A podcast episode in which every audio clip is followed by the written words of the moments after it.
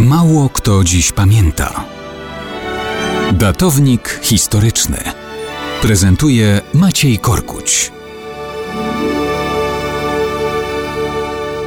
Mało kto dziś pamięta o 28 listopada 1627 roku, kiedy niedaleko Oliwy Holender Arend Diekman poprowadził jako nasz dowódca polską flotę do zwycięstwa pierwszego w historii morskiego starcia z otrzaskaną w bojach flotą Szwecji. Nieprzypadkowo to Zygmunt III Waza zadecydował o budowie polskiej floty pełnym tego słowa znaczeniu. Powstaje Królewska Komisja Okrętowa, budują się okręty, kompletowane są załogi i wtedy dopiero przychodzi rok 1627. Szwedzkie okręty organizują blokadę morską Gdańska.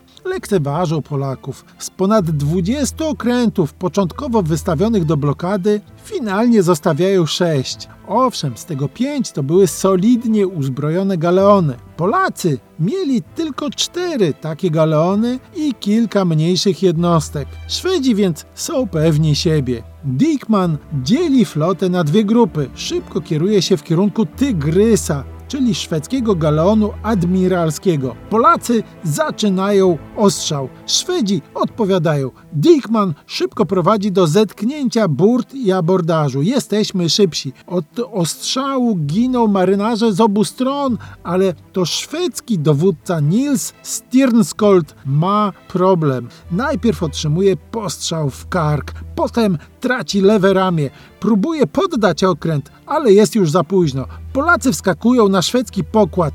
Tygrys jest zdobyty, ale błyskawicznie zbliżają się kolejne galeony Szwedów. Zolen jest wyposażony aż w 20 dział.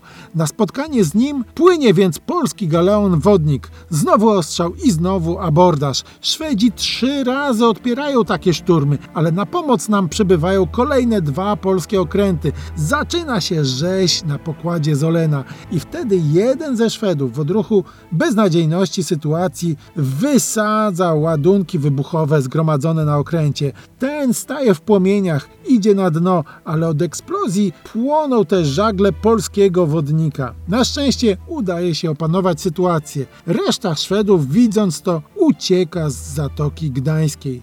Dickman triumfuje, kiedy zostaje śmiertelnie ranny od jakiejś zbłąkanej kuli. Zwycięża więc i w glorii chwały, jak później Nelson pod Trafalgarem, admirał Dickman umiera ze świadomością, że przechodzi do historii jako twórca pięknej morskiej wiktorii w Zatoce Gdańskiej.